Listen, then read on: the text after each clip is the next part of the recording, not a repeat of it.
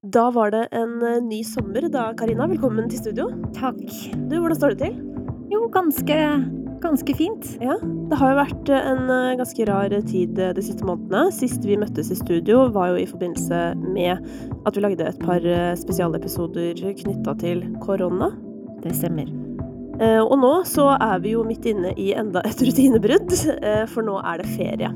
I fjor så gjorde vi også en eh, sommerepisode med ganske sånn konkrete tips, som det bare er å sjekke ut. Den heter eh, Sommertips og ny sesong. Eh, dette er jo nesten en liten reprise av det, for vi kan jo også glede de som har savnet nye episoder, med at det kommer en ny sesong til høsten. I tillegg så hadde jeg bare lyst til å møtes, fordi alle sommerferier er jo ulike. Og denne her er spesiell for mange, fordi vi allerede har vært inne i et ganske langt rutinebrudd. Eh, du som er eh, psykolog, hvordan eh, har det vært annerledes for deg? Det har absolutt vært annerledes for meg også. Og så tror jeg at måten denne perioden og fasen har virket inn på oss alle hver især, er avhengig av hvordan vi fungerer også fra naturens side.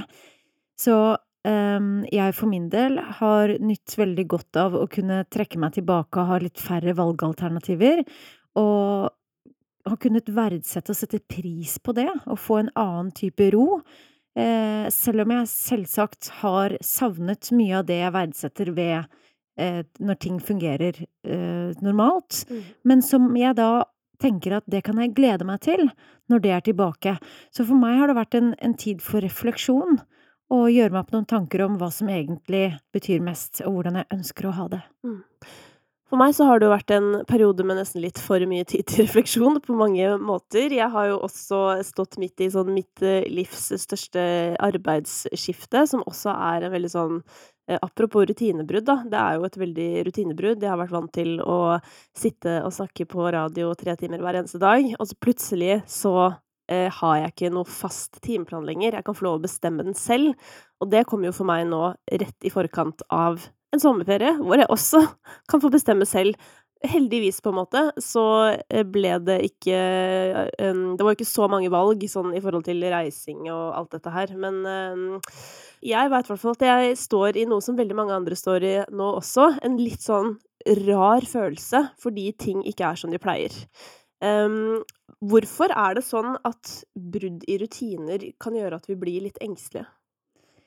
Endring vi reagerer på endring, um, og vi opplever ofte det vante som trygt. Det kjenner vi til, også selv om det ikke nødvendigvis er bra for oss.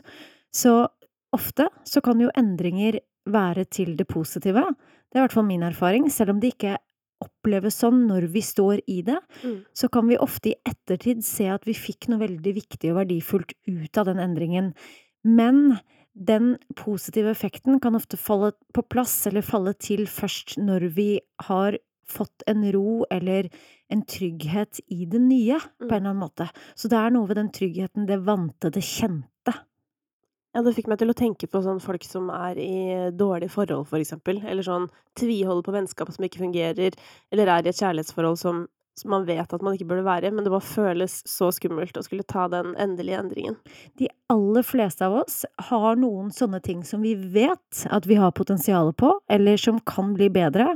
Vi vet ofte også hva vi burde eh, gjøre, men det å gjøre det i praksis, det kan være vanskelig, og det kan være mange forklaringer på det. For mange så er det også eh, forbundet med eh, noe frykt, det å, å, faktisk våge å ha det bra, da. Ikke sant? Våge å gjøre noen endringer man, hvor man kan risikere å få det skikkelig bra. Det er veldig skummelt, så glede er jo den skumleste følelsen. Mm. Eh, så ja, dette med rutinebrudd eh, Jeg tenker at for mange så handler det om, om eh, brudd i det vante. Mm. For noen så er det, føles det bra, og de nærer av en sånn variasjon og ser det som en anledning. For andre så, så kan det bli overveldende eller for mye, og det er avhengig av både hvilken eh, natur man har, eh, altså hvordan man fungerer fra før, men også hva annet man står i. Mm. Som du nevner at du står i et stort jobbskifte, store livsendringer i tillegg. Og Apropos denne fasen, for mange så har det jo ikke bare betydd brudd i hverdagsrutiner, men også brudd i eh, i rutiner som angår jobb, altså jobbhverdagen, eller kanskje de plutselig står uten jobb eller har måttet endre yrkesvei. Eh, store endringer, og det er klart det setter ting i spill i oss. Mm. Det er interessant at du bringer opp dette med å tørre eh, å være glad og glede seg over ting og sånn, fordi det høres på en måte så selvfølgelig ut, men eh, det tror jeg er noe vi skal snakke mer om i sesongen som kommer. Det å faktisk liksom eh, tørre å bare sånn Kanskje det å ha det bra er for meg også? Fordi jeg tror spesielt eh, etter år med, med å være bekymra og kanskje litt sånn smådeppa og sånn, så blir det jo veld, et veldig behagelig sted å være faktisk på tross av at det er vondt. Men det føles så skummelt å gå ut av det. Merkelig nok. Jeg tenker at for mange så handler det også om å tørre å ta seg selv på alvor, og våge å, å ta eget liv på alvor, og egne preferanser på alvor, og spørre seg selv hva trenger jeg for å ha det best mulig med meg, og da også best mulig for, med mine omgivelser. På mange måter så kan vi også si at det å ta vare på seg selv, og våge å være tro mot seg selv, um, og tørre å ha det bra, det er også den beste servicen man kan gi omgivelsene sine. Mm. Dette med ferie er jo vanskelig av flere grunner enn at det er et rutinebrudd. Eh, det er jo også en tid hvor eh, det blir tydelig at vi er forskjellige. Fordi i hverdagen så er jo alle på en jobb, i hvert fall sånn stort sett, og kanskje går på trening, og vi har ganske sånn like liv, da, på et eller annet nivå. Mens når ferien eh, kommer til, og alt liksom flyter, så begynner vi å se kanskje litt på hverandre. Hva er det Hvor er naboen på ferie, og hvor har vennene mine dratt? Å ja, den gjengen er på en tur der, og Og så er det på en måte veldig eh, sterk grobunn for sammenligning. Er du flink til å ikke sammenligne deg sjøl? Jeg kan absolutt ta meg og sammenligne meg, jeg, som alle andre. Jeg er jo et menneske, og jeg mm. tenker jo at mine erfaringer og det å for meg stå i livet selv, det er eh, de mest berikende og viktigste erfaringene jeg gjør meg i mitt virke. Mm. For å kunne sette meg inn i og forstå hva andre erfarer. Så absolutt. Mm. Men uh, som psykolog, da er det Altså, møter du mange mennesker som um, har liksom utfordringer i kraft av å liksom se mye på hva alle andre gjør i forhold til seg selv? Det er påfallende hvor mange som, uh, som kan relatere til det, og som har utfordringer eh, virkelig, virkelig utfordringer knyttet til det.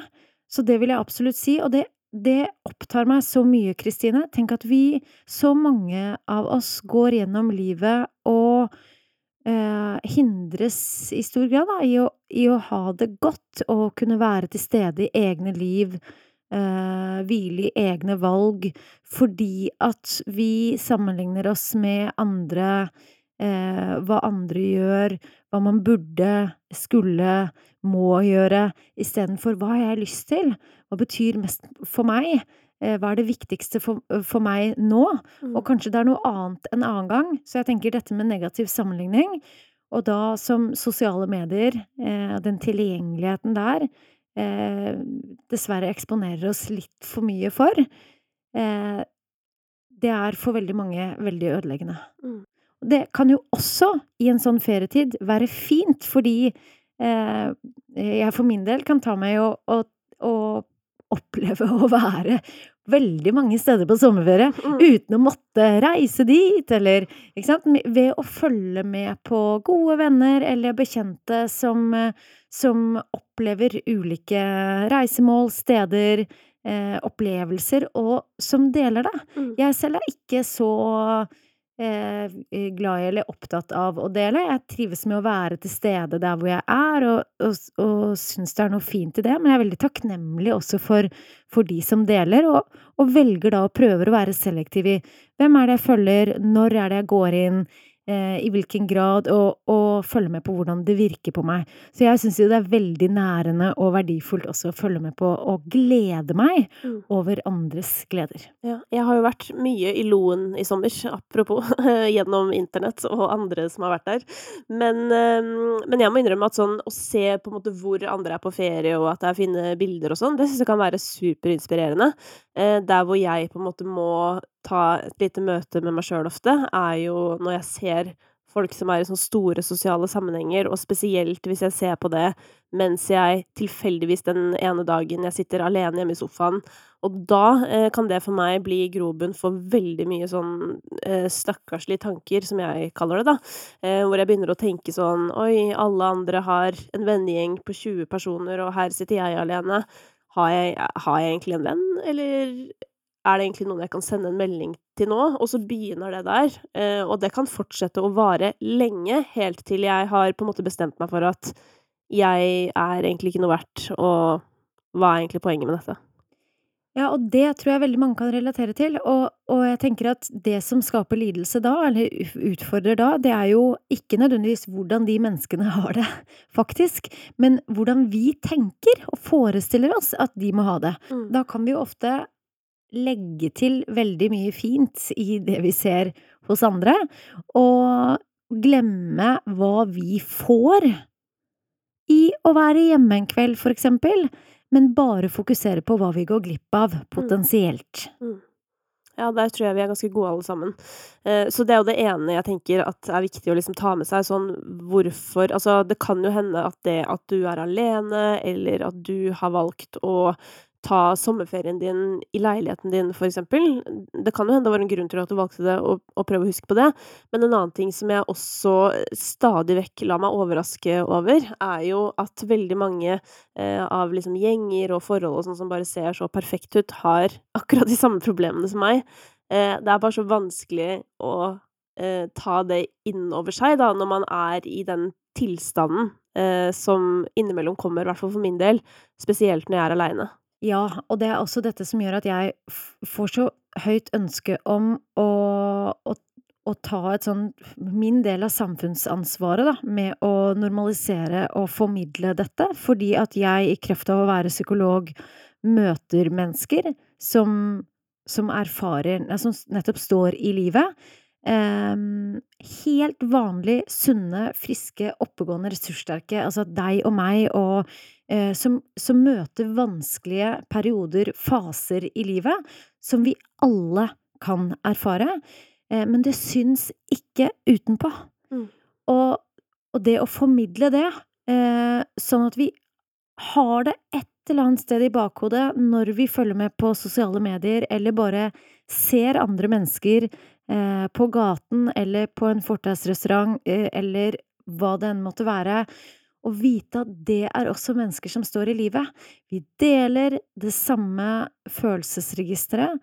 Vi deler, eh, det samme utgangspunktet for hvordan hjernen vår fungerer, eh, stort sett, og og vi gjør oss ganske tilsvarende erfaringer ofte, og det er dette vi glemmer. Men for mennesker som, eh, er plaget av angst, så kan jo også disse på en måte, la meg kalle det sosiale forventningene da, være problematisk, fordi sommeren er jo litt sånn tid nettopp Det er jo sjelden like mye bilder av vennegjenger og ut på tur, liksom, eh, enn på sommeren. Hvordan tror du det oppleves for en med sosial angst, på en måte, å gå inn i en sånn periode hvor det er forventet at man skal på en måte møte opp i parken annenhver dag? Det kan være brutalt, rett og slett. Og det er så mye med denne tiden som kan utfordre. Lider du under sosial angst, så er det dette med sosiale, eh, sammenhenger og og forventninger, eh, ikke minst til hva til hva sommeren skal være. For mange så kan det også være utfordrende en utfordrende tid fordi at eh, det er varmt i været, og man går med mindre klær, ehm, og viser mer kropp. Eh, det kan også være en kilde til sammenligning eller til til negativt selvbilde, ikke sant, selvkritikk. Det er så mye med denne fasen, Kristine, som kan utfordre oss, i tillegg til altså dette med forventninger til hvordan det burde være, hvordan Mm. det skal være. Det kommer veldig ofte i veien. Så jeg burde ha det annerledes enn hvordan jeg har det. Og alle andre har det annerledes enn enn sånn som jeg har det, og så glemmer vi at, eh, at andre mennesker ofte kan gjøre seg tilsvarende erfaringer. Mm. Det er jo også en, um, bekymring for mange det her med altså hvis vi skal ta for oss litt dette med sosial angst, da, uh, og si på en måte takke nei så mange ganger at du til slutt ikke lenger blir inkludert. Det kan jo absolutt være Eh, det er flere ting ved sosial angst som kan gjøre at eh, en person med, med sosial angst eh, faktisk får det verre, fordi at eh, vedkommende ønsker jo antageligvis bare å beskytte seg selv, ikke sant, ved å eh, takke nei fordi at man orker ikke å eksponeres for det fordi at det er så ubehagelig, altså det å være sosial sammen med andre mennesker. Og andre mennesker vet ikke eller forstår ikke eller skjønner ikke nødvendigvis hva årsaken er, og kan da heller tolke eller tenke at det handler om at du ikke er interessert. Og det samme er hvis du faktisk er til stede eh, på et sosialt event, eh, og eh, Men med tanker om hva, and, hva vil andre tenke om meg, Mm. som jo påvirker hvordan vi for mange, da, så kan det påvirke hvordan, hvordan man fremstår, handler, møter omgivelsene, som blir, blir til gjenstand for tolkning. Så hvis man er engstelig for hva andre vil tenke, så kan man kanskje eh, være litt mer sånn ufri, litt mer tilbakeholden og låst i, i fremtoningen sin.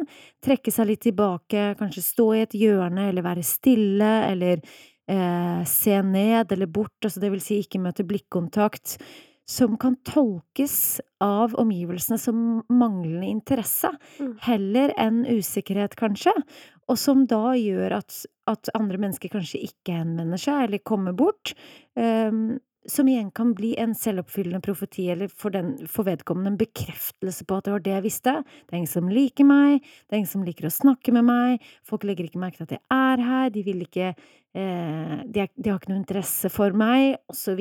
Hva enn de underliggende negative automatiske tankene og selvforståelsen er. Mm. Og da må vi også henvise til at vi har laget en episode om sosial angst, hvor det er masse tips til hvordan man kan utfordre den, men jeg skjønner at det er eh, tøft, liksom. Og kanskje spesielt liksom sånn midt i en periode hvor det er mange andre utfordringer også, i forhold til dette med, med rutinebruddet. Altså, det er jo Jeg tror jo at um, for oss eh, med litt ekstra angst i bagasjen, så er jo på en måte rutinen Det er jo et av våre sterkeste våpen mot eh, å ha det vanskelig. Så dette er jo liksom kanskje sånn Og tenk for studenter, da. Tenk hvor lang sommerferie de har. To måneder, liksom, uten at det skjer noe spess. Med mindre du har en jobb, som jo mange ikke har i år av eh, koronasituasjonen. Så det er ganske mm, Jeg føler med alle dere der ute som nå har ukevis foran dere uten liksom sånn veldig rigid timeplan, men det er jo også noe det går an å gjøre noe med. Man kan jo skape seg litt nye rutiner. Det kan man. Eh, og det jeg vil si, det er Hvis du tenker på hva har jeg lyst til, spør deg selv hva du har lyst til, spør deg selv hvem har du lyst til å prate med, hvem fanger din interesse, for eksempel i en sosial sammenheng, hva får andre mennesker deg til å føle, hvem blir du nysgjerrig på, heller enn hva vil andre tenke om deg, hva kan andre mene eller synes, hva syns du? Hvem har du lyst til å snakke med, så du kan snu perspektivet rundt. Mm. Og det er jo ganske vanskelig. Det er kjempevanskelig. Og da å belønne seg selv også, fordi hvis det er noe man ønsker, altså det å, å være mer sosial, eller eh, utvikle nærere bånd, nye relasjoner for eksempel, som også kan være utfordrende, spesielt i voksen alder, eller hvis man, hvis man ikke har de naturlige omgivelsene hvor man møter nye mennesker. Kjempevanskelig, paradoksalt nok i tilgjengelighetens tid. Mm. Um, men det å, å våge å gjøre seg synlig og sårbar, våge å gjøre seg tilgjengelig, som er dritskummelt, rett og slett, det er også kun da man vinner. Så motgang gir en anledning til å mestre, og det å utvise mot, det kan ingen ta fra deg. Og sårbarhet er det mest presise målet for mot. Og det å våge å gjøre seg sårbar, og vise sårbarhet, det krever mye. Det krever styrke. Husk at vi er alle sårbare, men det syns ikke utenpå. Mm. Og jeg er jo egentlig litt sånn eksempel på en sånn derre som det kanskje ikke syns utenpå. Eh, nå har jeg jo sagt det høyt, så nå vet jo for eksempel kanskje du som hører på, at, eh, at eh, situasjonen er at jeg eh, også på en måte har eh, utfordringer, da, med, med engstelighet. Men eh, før det så var jo det sånn typisk at veldig mange jeg møtte, trodde at liksom det var eh, et steinhardt både indre og ytre, um, av en eller annen grunn. Og det også har fått meg til å eh, bli veldig bevisst på sånn at man skal være litt forsiktig med å tenke ting om andre folk, for du veit aldri hva som befinner seg bak. Og det prøver jeg også å minne meg selv på, så hvis jeg er på et sosialt event eller et eller annet, og jeg ser det mennesket som står litt for seg sjøl, så går jeg aldri nå i tanken om at oi, der står han og er uinteressert. Jeg tenker alltid heller eh, shit, han må vi, vi må gå og sjekke hvordan det går, eller du vet sånn, fordi jeg føler det er mer sannsynlig at det er det, enn at man er uinteressert. Det stemmer. Ja.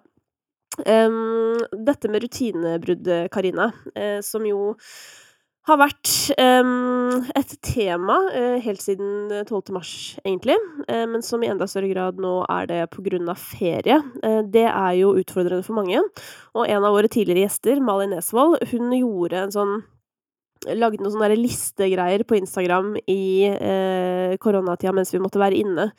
Og det syns jeg egentlig var litt sånn fint til inspirasjon for andre som på en måte ikke har noe spesielt å gjøre, for det var så enkle ting.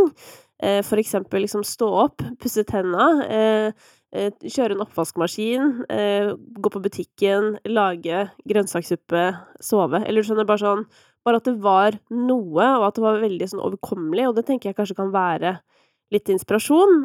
Men eh, jeg har også snakka med noen via Noia sin Instagram, eh, Noia podkast for øvrig, eh, om at for noen så er løsningen å droppe ferie. Og da kjente jeg meg igjen, for det har jo vært min løsning i hele livet. Ferie er ikke nødvendigvis for alle, og hva ferie defineres som, er også ulikt. Noen har det veldig godt med å ha øh, en tid hvor øh, rutiner ikke eksisterer, og hvor, hvor det meste flyter, og nærer av det. Andre får det ikke bra, rett og slett. Mm. Så det, å, og det er en anledning, tenker jeg, til å bli bevisst på liksom, hva er de rutinene som nærer og støtter meg, som gir en eller annen form for struktur eller et, eh, noe å holde i, eh, som er godt eller støttende eller trygt eller forutsigbart eller, eller hva det enn måtte være. Mm. Eh, så jeg tenker at alle former for rutinebrudd er jo en anledning til variasjon og refleksjon, rett og slett. Mm. Fordi vi går jo ofte i det samme, altså i, i mønsteret, da. Vi gjør de samme tingene uten nødvendigvis å reflektere over hva vi gjør, eller hvorfor vi gjør det. Så for mange så har jo dette også vært en gave, altså hele denne, eh, denne fasen og perioden, fordi at man nettopp har blitt tvunget til å stoppe opp og, og ta et oppgjør med noen ting. Mm. Det er tøft, det krever masse, men igjen, da, endring fører ofte til noe veldig mye finere. Mm. Jeg har jo jobba mye med artister, for eksempel, og har møtt mange av de i de siste månedene. Um, og der har det vært liksom en sånn gjennomgangstone. Selvfølgelig veldig kjipt å ikke få spille konserter og sånn, men stort sett alle har jo sagt 'jeg visste ikke at jeg trengte en pause', eller at jeg trengte noe annet, men nå som jeg har fått det, så har det bare vært veldig sånn øyeåpnende, da. Vi lever i en del av verden hvor eh, tempoet er så ekstremt høyt. Vi eksponeres for så mye informasjon hele tiden. Og det å få en anledning til å trekke seg tilbake, roe ned, eh, og tenke og høre sine egne tanker, og tenke tanker ut, det er noe veldig mange har godt av. Rett og slett få hvile. Mm. Få en anledning til å komme i en naturlig rytme, komme i kontakt med seg selv. For det som skjer når vi eksponeres for for mye, det er at vi kommer i en stresstilstand. Nervesystemet vårt blir overaktivt, hvor vi kan risikere å miste kontakten med magefølelsen eller egne preferanser, og vi handler og gjør alt ettersom hva som står på timeplanen, altså hva vi burde på automatikk, hva andre mener, hva vi, hva vi tror at forventes av oss, istedenfor å tenke over hva er det jeg er her for, hva er det som gir mening for meg, hva er det som betyr noe for, for meg, hva er det jeg ønsker? Mm. Ja, og min, eh, løsning på liksom dette tidligere, eller til nå, har jo egentlig vært å være sånn flink til å ta langhelg, for eksempel. Dra ut i skogen og alt det der, eh, som jeg har funnet ut at er godt for meg. Men der har jeg også litt lyst til å si at det er kanskje noe jeg opplever som noe av det modigste jeg gjør, og det er ikke først og fremst fordi jeg sover ute alene, eh, men det er først og fremst fordi det er et valg om å på en måte ta et steg bort fra samfunnet, eller så jeg mener at det er litt sånn derre ja, alle andre drar på fest i helgen. Jeg, eh, drar rett fra jobb ut i skogen, og der blir jeg alene. Og det er et litt vanskelig valg å ta, fordi, eh, hvis jeg tar opp telefonen når jeg ligger da aleine inntil et eller annet tjern langt inne i gokk, så kan jeg jo få veldig sånn skrekken og den derre «Shit, her ligger jeg alene. Hvem er jeg egentlig?» Men likevel så er det da den effekten eh, det gir, eh, i form av ro og liksom klarhet for meg. Det kan jo være helt andre ting for andre, men der er vi jo egentlig inne på det derre å Hva er det du velger istedenfor, og ikke hva hva er det du går glipp av? Mm. Jeg kan relatere til det du sier, Kristine. Jeg gjør det ofte selv, trekker meg tilbake. Jeg sover ikke så mye alene ute i skogen, men jeg kan godt tilbringe dager alene, eh, og jeg trenger det. Jeg får det samme perspektivet, den samme altså ekstra altså dimensjonen, eller som jeg mister når jeg er i eh, i en stress, i et sånn daglig hamsterhjul, og som jeg trenger. Og det har jeg også kjent på i denne uh, fasen her, fordi at jeg ofte har brukt reiser til nettopp dette. Trekke meg tilbake, reise alene, se noe annet, få perspektiv og et nytt blikk på livet og tilværelsen hjemme, som jeg nå ikke har hatt anledning til, og måtte på en måte finne andre måter, eh, men nærere av, og trenger også det samme, det rommet, da, Mm. til å trekke meg tilbake. Mm. Og det vil jeg si også fordi at dette er en eh, kan være for mange eh, en periode eller fase hvor man kan eksperimentere med nettopp det, og åpne for Kanskje jeg også har innimellom godt av, eller nærere av, å ha litt tid for meg selv, roe ned, ta bort en del av det vante, og se hva er det hva er det som skjer da? Hva åpner seg? Hva skapes i det rommet, i den stillheten, eh, i et begrenset tidsrom? Mm. Jeg skal jo prøve meg på litt eksponeringsterapi i sommer, og reise av gårde i tre uker er planen. Uh, og jeg er jo veldig, veldig spent på det, og så tenkte jeg sånn, kanskje det er noen andre som, uh, er i en lignende situasjon, som på en måte gruer seg litt til å ta den derre lange pausen.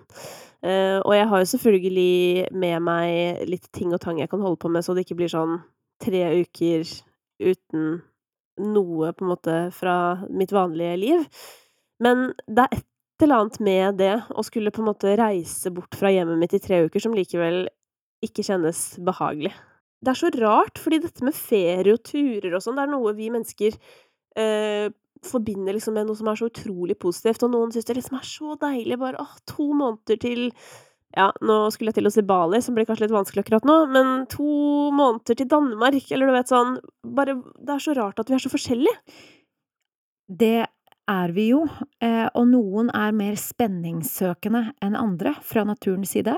Så noen søker og trenger de utfordringene og nærer av at de ikke vet hva som skal skje, og syns det er spennende og gøy og og, og trenger det, rett og slett. Får kick, energi, påfyll av det. Mens andre trenger å vite, eh, planlegge, eh, gjerne reise til de samme stedene igjen, vet hva de får, går ut og spiser på de samme restaurantene, og så videre. Så jeg tenker at mye av det du også eh, snakker om, tror jeg, da, hvis jeg skal gjette litt, det er det at du ikke vet helt hva som venter. Ikke sant? Vet ikke helt hva det blir, hva du kommer til. Og hjemme så har du tross alt noen ting, altså en del ting du kjenner til, og du har kanskje en del av dine faste rutiner som er forbundet med det å være hjemme. Og når du plutselig skal på reise, eh, så så står du uten mange av de faste liksom knaggene eller holdepunktene i en hverdag, og det kan være føles ubehagelig. Mm. Men det er jo også, eh, vanskelig ofte å reise, eh, spesielt hvis du er i en tilstand av angst. Nå er jo jeg, vil jeg si, såpass heldig at nå har jeg levd med det i det har begynt å bli noen år, tre og et halvt eller noe, um, og fått et litt mer vennskapelig forhold til den. Eh, og jeg har merka nå for hver ferie som har gått, så er det lettere å dra på ferie. Um, Men det er jo garantert folk som hører på, som står, eh, kanskje i sitt aller første møte med angsten, og som kjenner sånn 'Jeg kan ikke jeg kan ikke gjøre noe, jeg må sitte inn på rommet mitt i sommer'. Hva går det an å si, eh, for en sånn situasjon? Først, angst er ikke farlig. Det er ikke farlig. Det kan ikke skje noe mer enn at det er fryktelig, fryktelig ubehagelig. For noen så er angsten et signal om at det er noe man trenger, noe man mangler. Um, og for andre så blir det en type falsk alarm. Så jeg tenker at det handler jo om hva angsten representerer for den enkelte. Mm. Men å spørre deg selv hva lengter du etter? Hva trenger du? Hva er støttende for deg selv nå? Hva er selvomsorg for deg?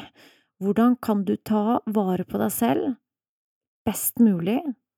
Hva vil det si for deg nå? Mm.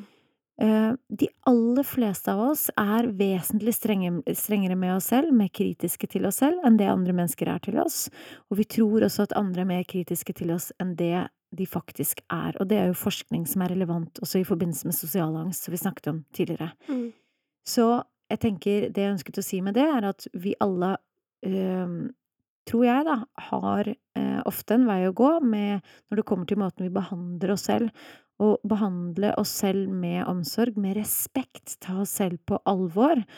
Og selvomsorg må ikke forstås som å da eh, bare skulle være inne og ligge på sofaen og, og se på Netflix og, og, spise dårlig mat, for eksempel. For altså, det, er vi, er sånn eksempel som vi bruker litt sånn som klisjé, men, men eh, poenget er at det handler om å ta seg selv på alvor og spørre seg selv hva er det jeg trenger, og, og um, gjøre godt for seg selv. Mm. Når vi ivaretar oss selv, så kan vi ha det ganske godt selv om vi har det vondt. Mm. Det vil si at selv om vi står i en krevende fase i livet, eller møter mye usikkerhet, eller så kan vi finne en veldig stor støtte i støtten fra oss selv. Mm. Det er jo mange som spør meg sånn øh, 'Jeg har fått mitt første panikkanfall, hva skal jeg gjøre?' på en måte, og det er jo vanskelig å jeg er jo åpenbart ikke fagperson, men fra mitt ståsted, da, som, som har, um, har litt panikkanfall og sånn sjøl, fikk faktisk et her om dagen for første gang på lenge, og det var uh, absolutt ikke like ille som det pleide å være, men det var uh, greit å få en påminner om at jeg ikke har så lyst til å få det igjen. Men uh, det ble ikke så ille, og det er for en grunn. Eh, og grunnen til det er at dette her var på jobb, eh, og jeg hadde med meg en kollega. Og jeg kjente at nå, kommer, nå skjer det, liksom. Og jeg klarte ikke helt å, å liksom finne årsaken til hvorfor skjer det nå. Kan ha vært så mangt, dårlig søvn, altså nervøs, jeg vet ikke. Og så benyttet jeg bare anledningen til å bare si det. Bare sånn Du, sorry, ikke Dette er ikke meningen å kaste masse ansvar på deg eller noe nå, men jeg må bare si at nå kjenner jeg at, jeg, at nå får jeg et lite panikkavfall panikkanfall, og det var veldig irriterende. Og så satt jeg egentlig bare og tjatra, eller sånn, rundt det. Og det er altså så interessant at hver eneste gang det er sagt høyt, så er det akkurat som man har liksom fått noe beroligende intravenøst, liksom. Det er, det er Om ikke ferdig, så er det i hvert fall um, uh, Altså, det kjennes ut som det plutselig ble til noe annet, på en måte. Styrken på det vonde liksom blir jo langt over halvert. Og det eh, er egentlig mitt beste tips til folk som spør sånn 'Hva skal jeg gjøre? Jeg skal på ferie med venner. Tenk hvis det skjer.' Da tenker jeg sånn, vet du hva, da syns jeg du skal si at jeg eh, har jeg gleder meg til ferien, eller egentlig kanskje jeg gruer meg litt, faktisk, fordi jeg er redd for at jeg skal få et panikkanfall, eller jeg er redd for at jeg skal bli engstelig, eller jeg er redd for at dere ikke skal like meg, eller Jeg veit ikke. Bare si det, liksom. Fordi idet det er sagt, så er det nesten som det er ryddet av banen. Det er noe med det å si det høyt, eh, og eh, også Det kan også hjelpe å si det høyt for seg selv. Det kan hjelpe å skrive ned, eh, og se egne tanker sort på hvitt. Mm. Det skaper en distanse, og se hvordan du er ikke tankene dine, de er ikke Mm. din identitet, men du er den som erfarer de. Du er heller ikke følelsene dine, men du er den som erfarer de også. Så det å, å skrive ned, det kan hjelpe, hvis du ikke ønsker å si det høyt, eller har noen å si det høyt til. Mm. Eller så kan du si det høyt til deg selv. Mm. Det er også litt sånn derre øh, Jeg tenkte jo før at hvis jeg sa noe sånt til folk, sånn hva kom de til å tenke da? Men det er også veldig, eh, interessant at sånn de gangene jeg har vært i en for eksempel jobbsituasjon, da, og har følt at nå må jeg bare si at nå er jeg så engstelig at jeg ikke vet helt hva jeg skal gjøre av meg, så er det bare sånn Å ja. Ja, skal vi Er det noe du trenger, eller skal vi Altså, det er jo på en måte ikke noe Det er så sykt ikke en big deal, Mm. føler jeg. Så det er så utrolig synd at det føles som på en måte verdens største elefant inni eget hode, da. Det tar fullstendig overhånd. Mm. Vi kan øve oss på å være mer eh, transparente. Dele og si, og snakke om det som om det er en erfaring som alle mennesker kan ha, for det er det faktisk. Og ikke tenke at dette sier noe om meg, nødvendigvis. Eh, og det å Oi, nå kjenner jeg at Ikke sant? Eh, at jeg har et eh, angstanfall, eller at det skjer noe i meg, eller nå Jeg blir redd for det, eller jeg har den tanken eh, fordi disse tankene er tilbakevendende, eller jeg blir redd for at Hva det enn måtte være. Og si det høyt som om det er en erfaring eller tanker som alle mennesker kan ha. Mm. Ja. Så det håper jeg du som hører på, tar med deg, i hvert fall hvis du skal eh, på tur eller skal et eller annet, og kjenner på sånn shit, tenk hvis noen oppdager at det er noe annerledes med meg. Da tenker jeg sånn, vet du hva, det er ikke noe annerledes med deg. Snarere tvert imot. Mest sannsynlig så har garantert noen andre i det rommet opplevd noe lignende. Og vi trenger angst, det må vi huske på. Det er jo derfor vi er her, for angst er energi, det er overlevelse. Det er ikke farlig, det er i aller høyeste grad eh, et tegn på at du fungerer, Mm. at du er i levende livet. Det er bare veldig mye kraft og energi eh, på en gang, og ofte på et upassende og feil tidspunkt. Mm. Så hadde du hatt den erfaringen hvis du får voldsom angst, da, eh, eh, når du virkelig trengte den, så hadde du ikke stilt spørsmålstegn ved symptomene. Men hvis du er i ro, sitter stille, eller det er en sammenheng hvor det ikke passer seg, så Mm. er det på en måte en sunn reaksjon, men på feil tidspunkt. Så det å minne seg selv om det også. Mm. Og så tenker jeg at øh, de aller fleste av oss har, har også et pot- potensial i å bruke pusten.